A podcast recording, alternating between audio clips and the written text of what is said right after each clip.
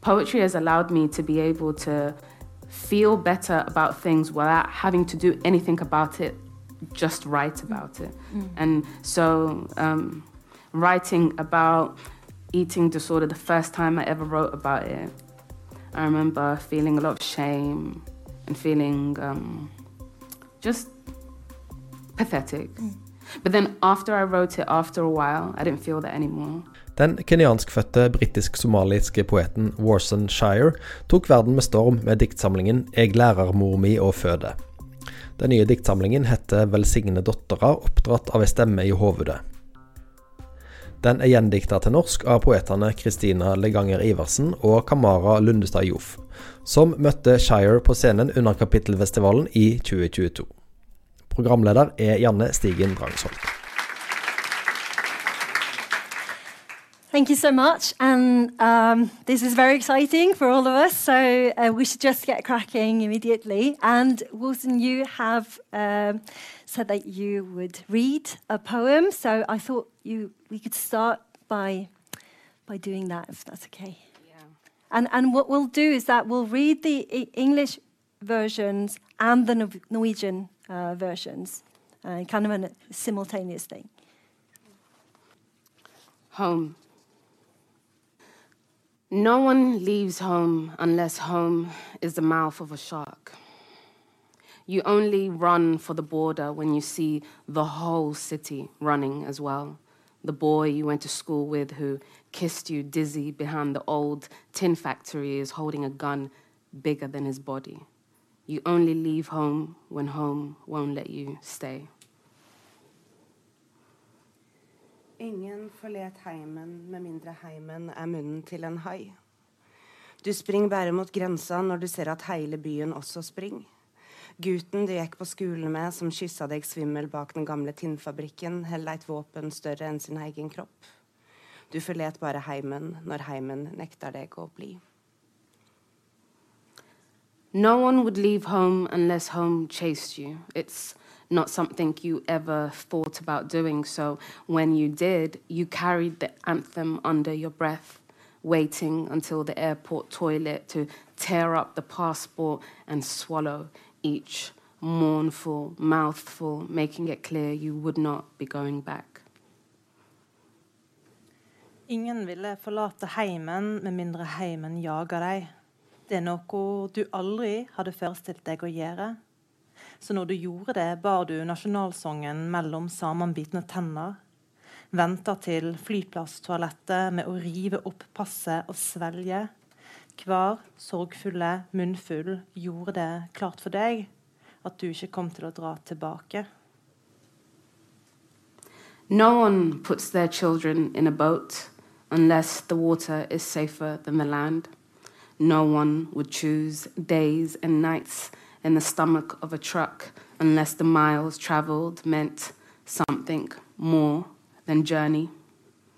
Ingen setter barna sine i en båt om ikke vannet er tryggere enn land.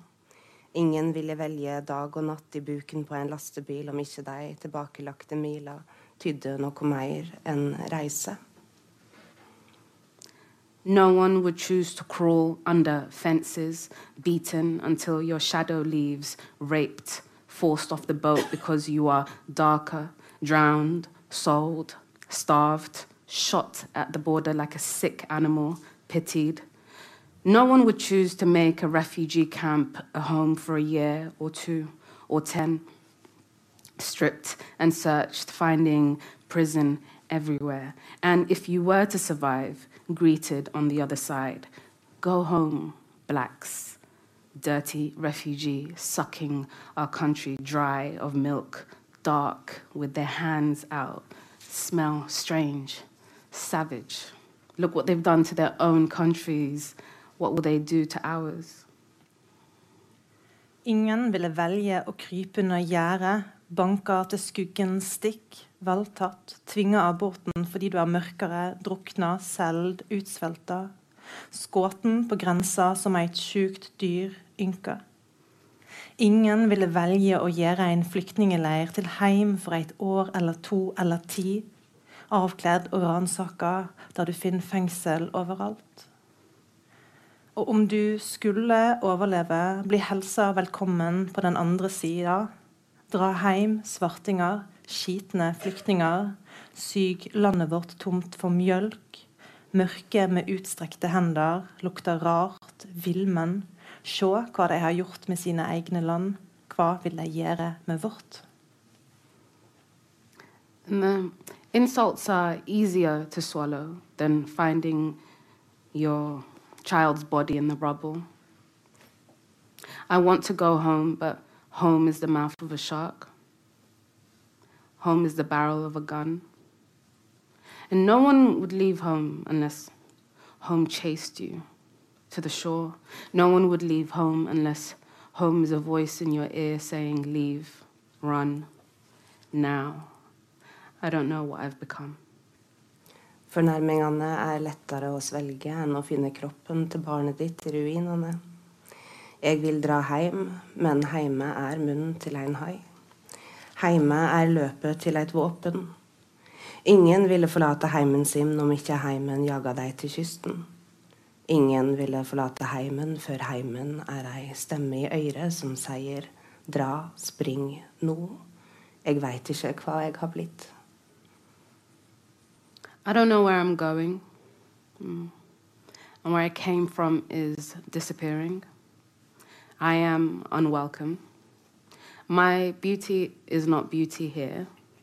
My body is burning with the shame of not belonging. My body is longing. I am sin of memory and the absence of memory. I watch the news and my mouth becomes a sink full of blood. The lines, forms, people at desks, calling cards, immigration officers, the looks on the street, the cold settling deep into my bones, the English classes at night, the distance I am from home. Alhamdulillah.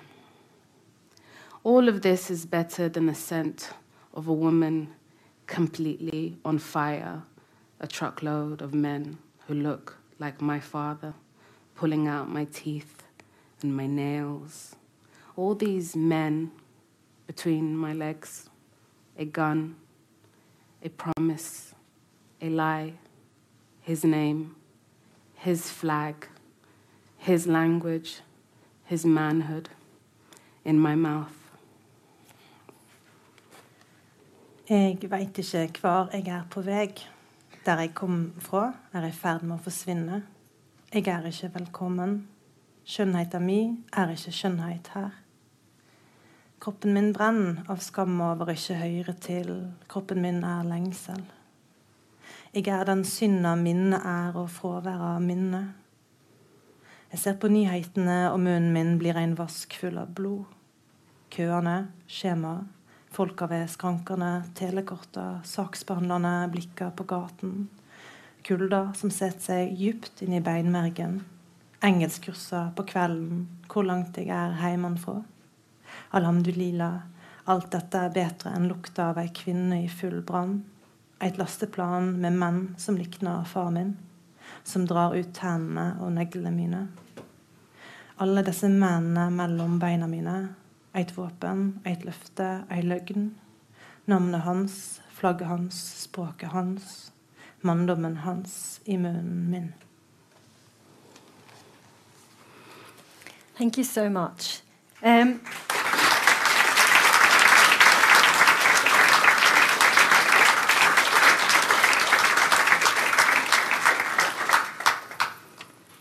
This is a poem which also has a kind of a attendant poem in, in the other poetry collection that you have where it's called Conversations About Home.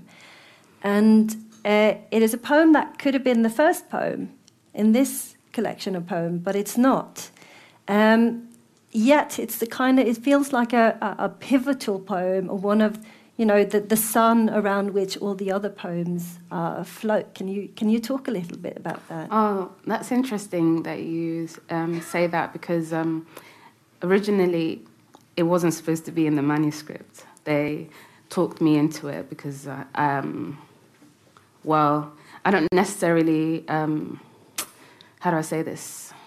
the poem has gone through a couple of versions. There's the one that's online, which is a free write, and um, it feels a little bit. Uh, makes me feel out of control to know that a poem that I didn't edit properly or um, didn't spend a lot of time on um, is making its rounds.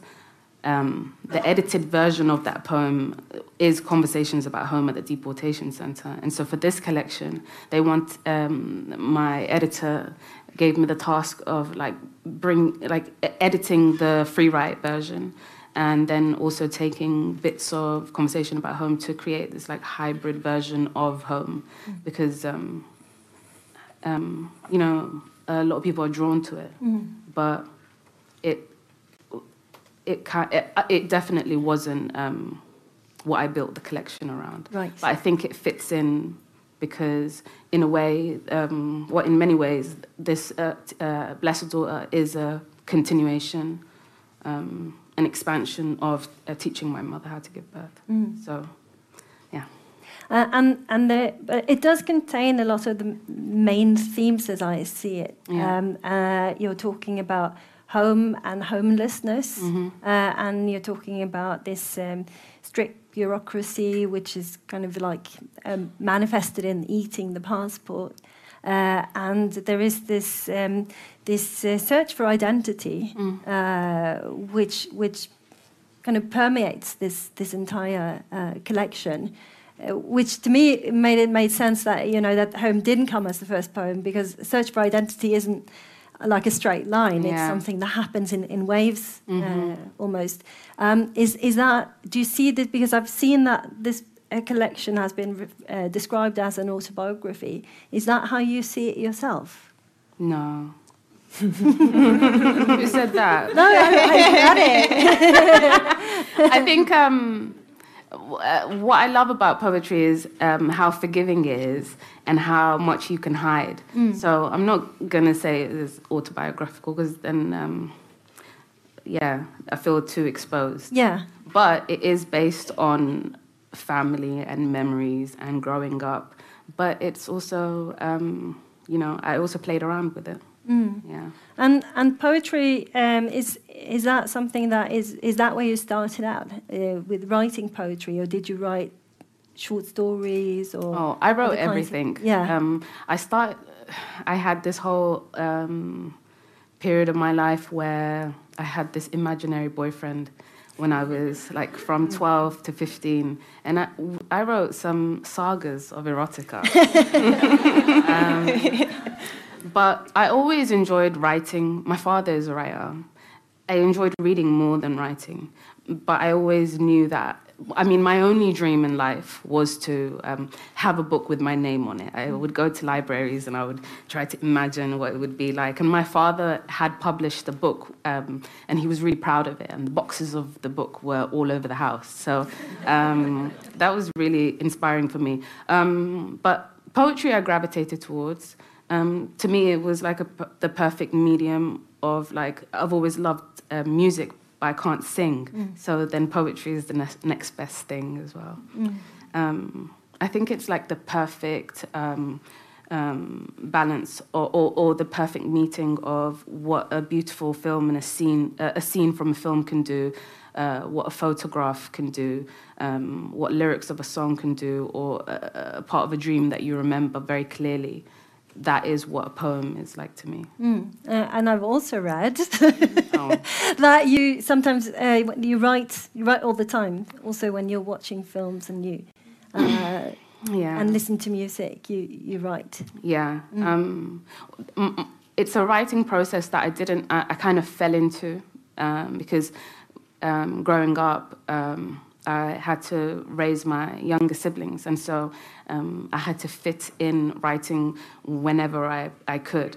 And a lot of the time, the house was very loud, and there was no notion of a room of one's own, or a table, or a chair, or a corner of a room. It was just uh, you know, free for all. So I, I would always have headphones in or just trying to write whilst people were there. And I think slowly it just became part of the writing process. And I really love um, overhearing people talk and just the like the bustle of life. Mm. I find it really difficult to just write in a completely silent room. And so if I am, and by I really love uh, my solitude. So I found the next best thing is to write whilst watching horror films. I really enjoy that. Yeah. But uh, um, talking about a room of one's own, I mean that brings us to the title. Mm. Um, could you talk us into that for a little bit? Yeah, so uh, bless the daughter raised by a voice in her head. Um, I like the idea of titles within themselves being like tiny poems. And um, I thought about, well, for me, the title is just an ode to the, you know, the parentified, adultified child um, that too much responsibility, uh, um, too young of an age, and um, you know, it creates both like this massive imagination and maybe like a um, strong character sense of self or character, but also breeds like mental illness. So for me, the title is about um, how I've raised myself, and my family would say that, but I know I didn't raise myself because there were all these voices raising me too, and so those voices. I would say were like a, um, an amalgamation of what I watched on TV or and the um, the women that raised me and like a very kind teacher and um, I always say you know Oprah had a big big because just sitting in front of the TV and watching her talk so openly about these ideas of um, empathy and trauma and therapy. These are things that I've never heard of before. And so she made it completely normal. And I've kind of just continued in that way. But it's also um, because um, I speak openly about being diagnosed with OCD when I uh, at, fr- from a young age, and so these voices and intrusive thoughts and uh, racing thoughts and is something that I deal with every single day. But also, um, I love talking to myself. I have a great time in my own head, so it's a mixture of everything. Yeah. Yeah, and uh, but there are also poems where you get the sense that the voices can be quite not damaging, maybe, but there are these expectations, you know, uh, which uh, can hamper, I guess, you, you know, uh, this kind of a, like a spiritual or Yeah. Travel that we all need to undertake. The, the voice in the head sometimes can be the um, say the most cruel things, things you would never say to anybody else or utter out loud. Um, and then there's also like working with the voices in your head to be kinder is a, a lifelong uh, journey. Until today, it's what I struggle with the most is um, the things I tell myself or the things that I've been unable to um, forget that people have said. Um, but when I think of Bless the Daughter Raised by a Voice in a Head, I'm thinking more about, um, well, all of these things, but also um, when you meet people who have been able to uh, grow up without being uh, particularly protected or nurtured by anyone, but they still turn out to be uh, quite decent people. Or who did that? How did they do that? Mm-hmm. There were some voices in that head, didn't it? Mm-hmm. There- and there were some good voices. I think of it as like guiding saints, or um, you know, or maybe eh, your ancestors, you mm. know. But yeah, it can be debilitating. I mean, I struggled with an eating disorder for most of my life, and that was a voice in my head. But that was my mother's voice in my head. Right, Yeah. because there are also a lot of poems that are addressed directly to the mother. Yeah. and maybe not necessarily the actual person mother but the like you said the voice that Yeah, you hear yeah. Uh, could you could you read the, the, the poem on, on the eating disorder Oh, yes. Bless the bulimic. Insolent youth, spent on my knees, sleep deprived, sick. Forgive me my prayers to the God of thin women. Astaghfirullah, Ya Allah, of jutting ribs. Forgive me, please. Famine back home. Uforskamma ungdomstid brukt på knærne mine, søvnløs, sjuk, tilgi meg bønnene mine til guden for dine kvinner. Istag forulla i alle av utstikkende ribbein.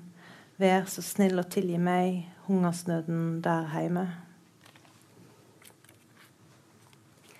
And you know, the kinds of like Ted Hughes uh, once said that he had to write poetry because mm. poetry was a kind of like a ritual. That poetry was the only uh, literary genre that was able to hold, you know, hold the pain and hold the um, um, the, the, horror uh, mm. of of reality. Mm. Is that something that you have thought of? Because I, I think you know these poems they're they're really honest and and um, at the same time they're very strong. So it feels like they're able to hold the horror of of reality.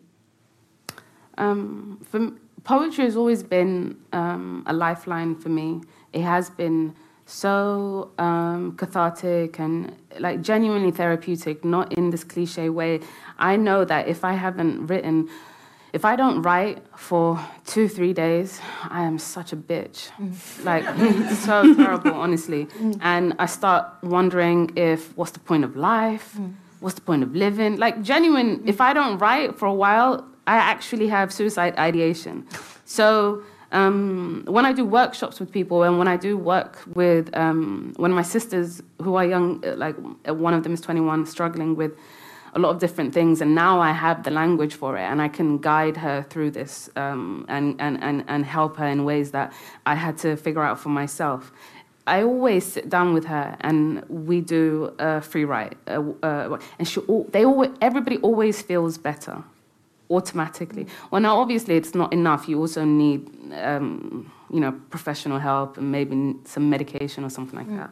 But um, for me, it was very, very uh, helpful. I always think about the quote of, um, I mean, the line Alice Walker said. Um, that writing saved her from the sin and inconvenience of murder. Mm. And I always, I mean, honestly, I don't know what kind of person I would be. I remember before I found writing, and I was really. Um, like uh, I was a troubled kid at school, you know. I, I I grew up around a lot of violence, and so that was my um, natural reaction. I thought it was okay um, to, you know, um, vengeance. Mm.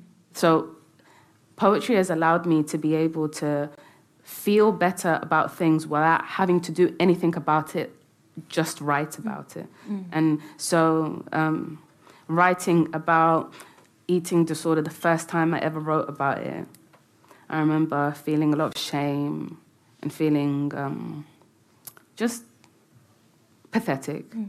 But then after I wrote it, after a while, I didn't feel that anymore. And I, I started speaking with people who'd be like, me too, I felt that too. And I realized that that's the only way that I can live my life. Mm. I just need to keep writing about it to get through it.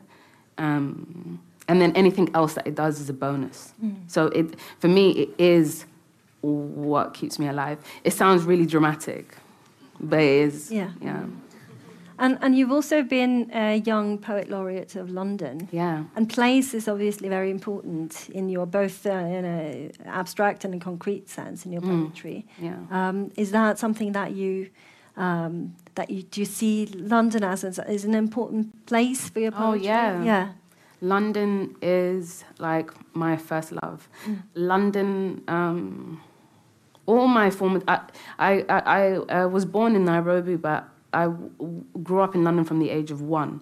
So all my firsts, every single thing, um, and my idea of um, a romance is London. My idea of um, all my memories, nostalgia, everything. Um, but my dreamscape and uh, what I romanticize is Somalia. I don't romanticize London. London just feels like home. Mm. But because I don't know Somalia in that way, I live through Somalia through photographs, mm. old photographs and old VHS and um, tapes and stories and memories. Where in London is just it's in me, you know. Mm. It's where I had my first kiss and where all my friends and you know first heartbreak. Everything happened in London. Yeah, so Somalia is more like a mythical. Somalia is like where obviously it's where everything goes back to. It's like the language of my dreams. It's when I get really, really angry or when I get really, really sad, that's what I go to. And um, it's what I yearn for. But being British is just what I am. Yeah. Uh, Camara and Kristina, um, you've translated both of these uh, poetry collections, beautiful, beautiful translations, I find. Um, can you talk us a little bit through the process of, of translating these poems?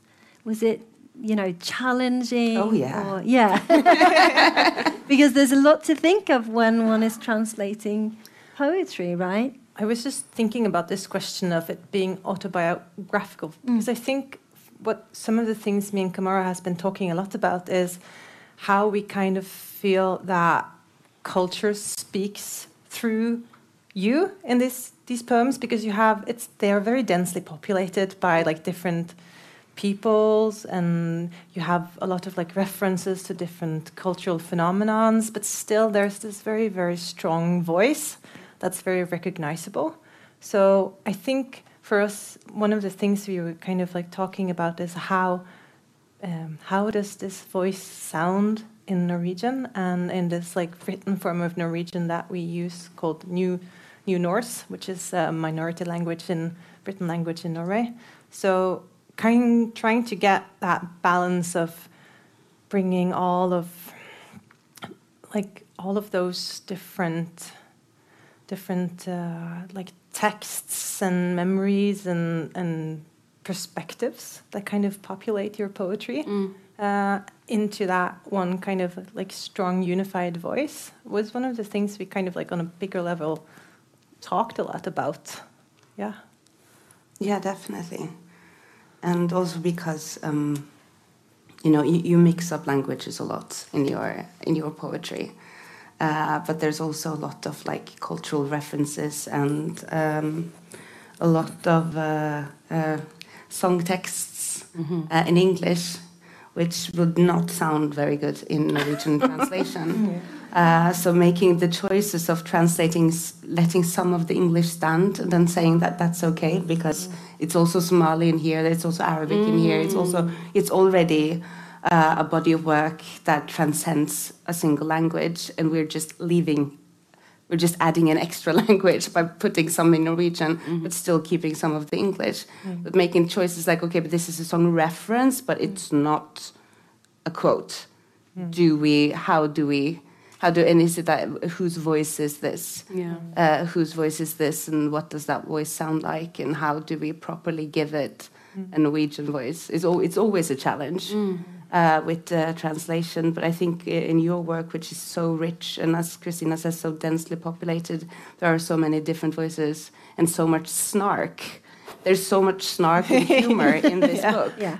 yeah uh, and just like taking the the word bitch for example that in some cases we could say like okay but here it's meant as tispe like we can use it in this a kind of like uh, like an, an old word for a female dog that you put the woman down. But it still we pray for your healing bitch.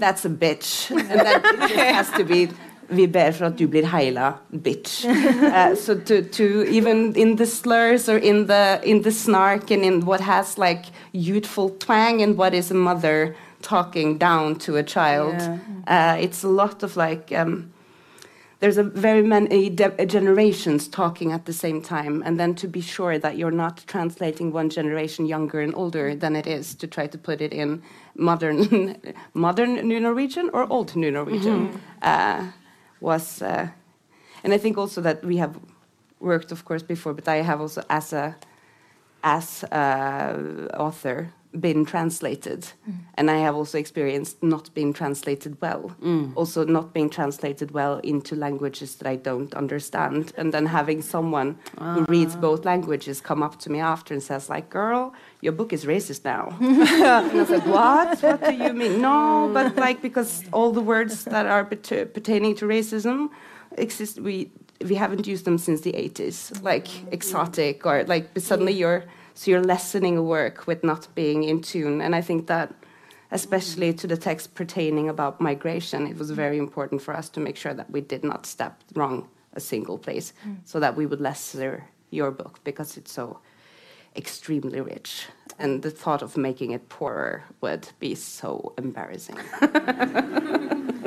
But, but it is it's interesting because in Norwegian, like in English, we say translate, Mm-hmm. uh, and in Norwegian we have this other term called gjendikting, which which means to to write the poem again, uh, which also kind of um, because it's, it's like a lot of people who work with translations talk about like the impossibility of making a like a like complete translation because the languages are different and the cultures are different and yeah we've been we for us it's a it's really um, a challenge and it, it becomes an in, interpretation sometimes Yeah. because you can't just um, necessarily always like find the the solutions that will keep both the the sound and the rhythm of the words and the precise we've, we but I, I think we've tried to and the Dawson Creek reference. yeah yeah so but it's um, it's been a wonderful thing to get to work on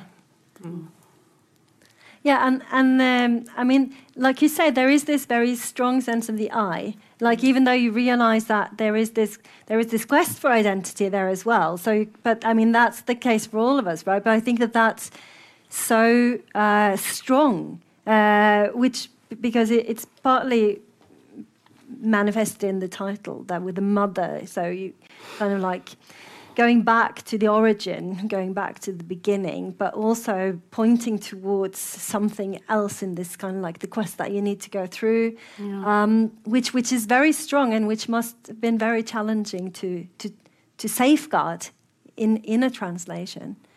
Um, uh, but we also, I mean, obviously, we also have to talk about Beyonce uh, for a little bit because, I mean, that gives you a totally, I mean, a much bigger audience suddenly Yeah. For, for your poetry, uh, which must be feel very um, gratifying in many ways. Yeah, I am grateful. Mm. Yeah, it was a very surreal experience.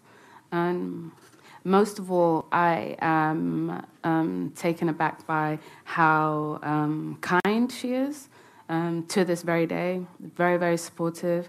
And I appreciate her for giving me an opportunity that ultimately allowed me to be able to uh, afford therapy and get on medication, take my time to write.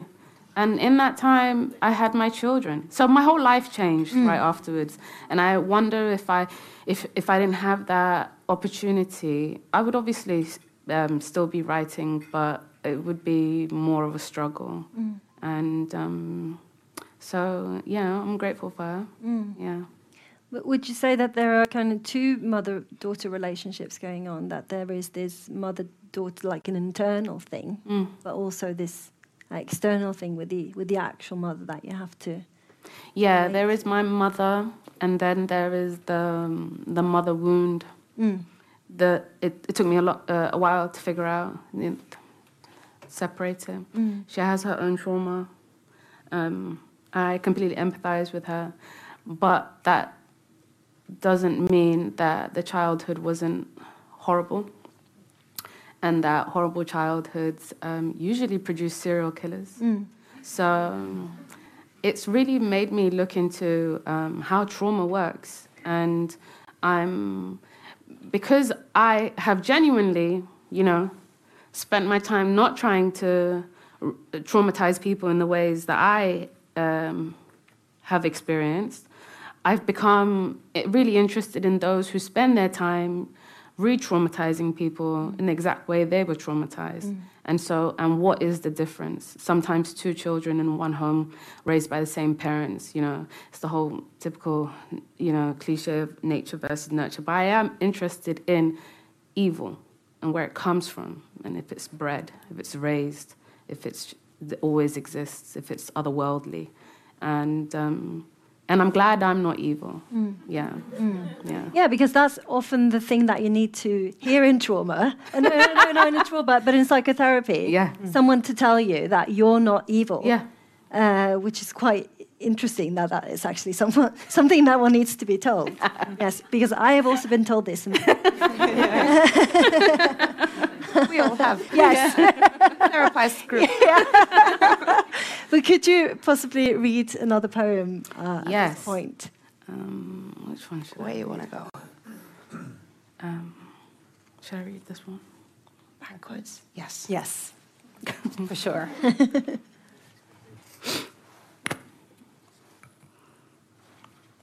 Backwards. The poem can start with him walking backwards into a room. He takes off his jacket and sits down for the rest of his life. That's how we bring dad back.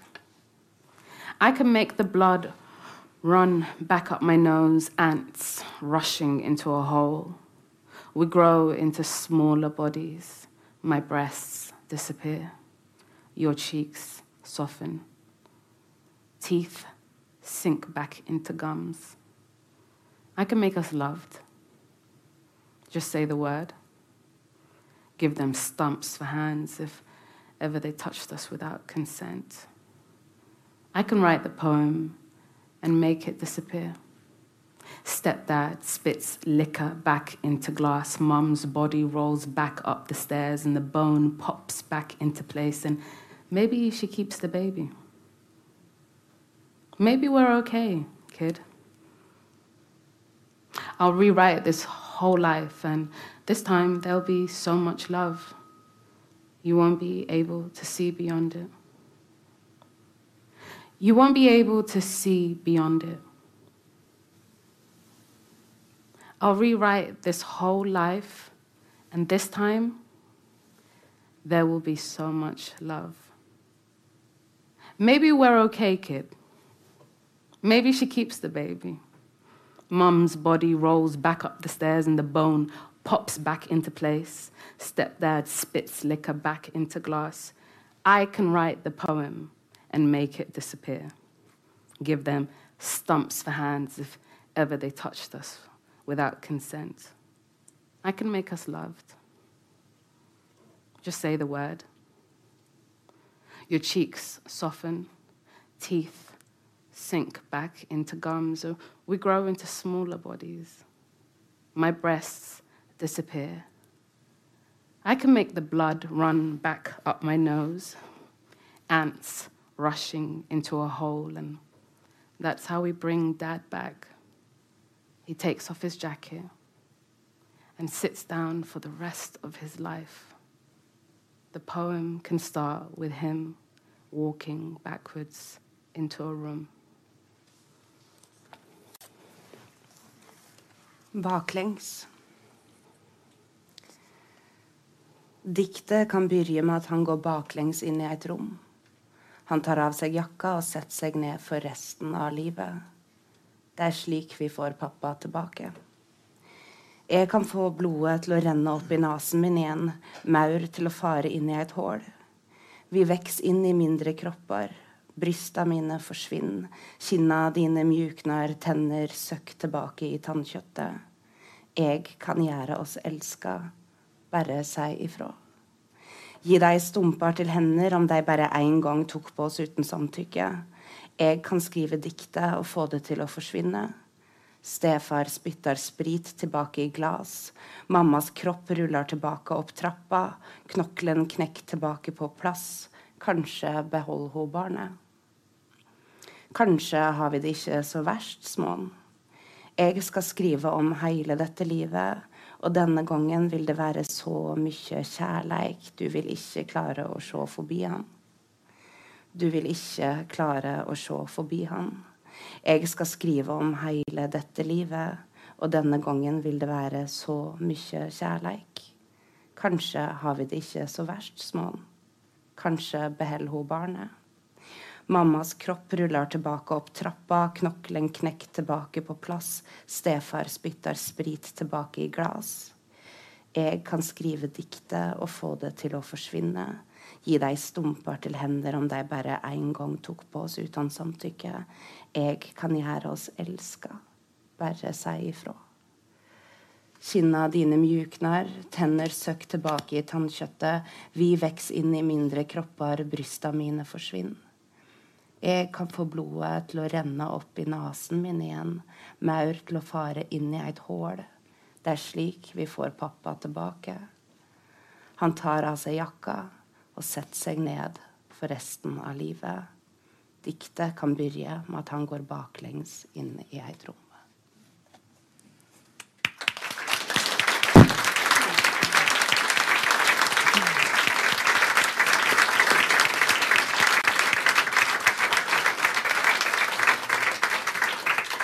And the thing with trauma is that it cannot really be articulated Mm. and it's circular. But here, it is the poem Yeah. and it's, and it's spoken. And, and it, does it free you in a sense? I mean, you talked about how poetry yeah. is therapeutic. Mhm. Um, and that's the ritual, right? The, I spend weeks, months, years writing about, like working on one poem. The moment I read it back and I and I feel like I can breathe mm. and it's finished, I feel like I've just laid that to rest. Mm. And it doesn't haunt me anymore. Yeah, Yeah, I love that about it. It's the best Yeah. part of it. yeah. Yeah. and and and also the magic because you, when you read this poem, which reads out, it, like a personal poem, Yeah. but at the same time it is so universal. So so you can, I mean, there are elements there that, that can be liberating to others as well, and that's also the the, the magic and and and the and the blessing of, of, of poetry. Yeah, um, I mean, there are poems that I, you know, go to every single day, you know, written by beautiful, amazing poets throughout time, all over the world, and um, they're like little prayers, and um, they instantly make me feel less alone, more grateful for life, remind you what the point of all of it is, because it can get a little bit, you know, existential crisis sometimes. Yeah, yeah, a little bit. Yeah. so, and then it, it also, you know, because I spend so much time looking into um, evil, it's good to. I love um, taking in all the beautiful art and and uh, just what human beings have been able to create, because then that shows me the other side of it, where there is great evil, there is also such great beauty. Um, and yeah, poetry is an amazing example of that. So I'm so grateful uh, I've come across it because I know a lot of people, um, they've, you know, they haven't read a poem that has really spoken to them. Um, they haven't really been introduced to poetry in that way, and so they feel that it's inaccessible. But once you do, it's just like carrying proverbs, Yeah. you know, um, your favorite song lyrics. Yeah, um, it's just comforting, It is. and we need that to get through this hard life. Yeah.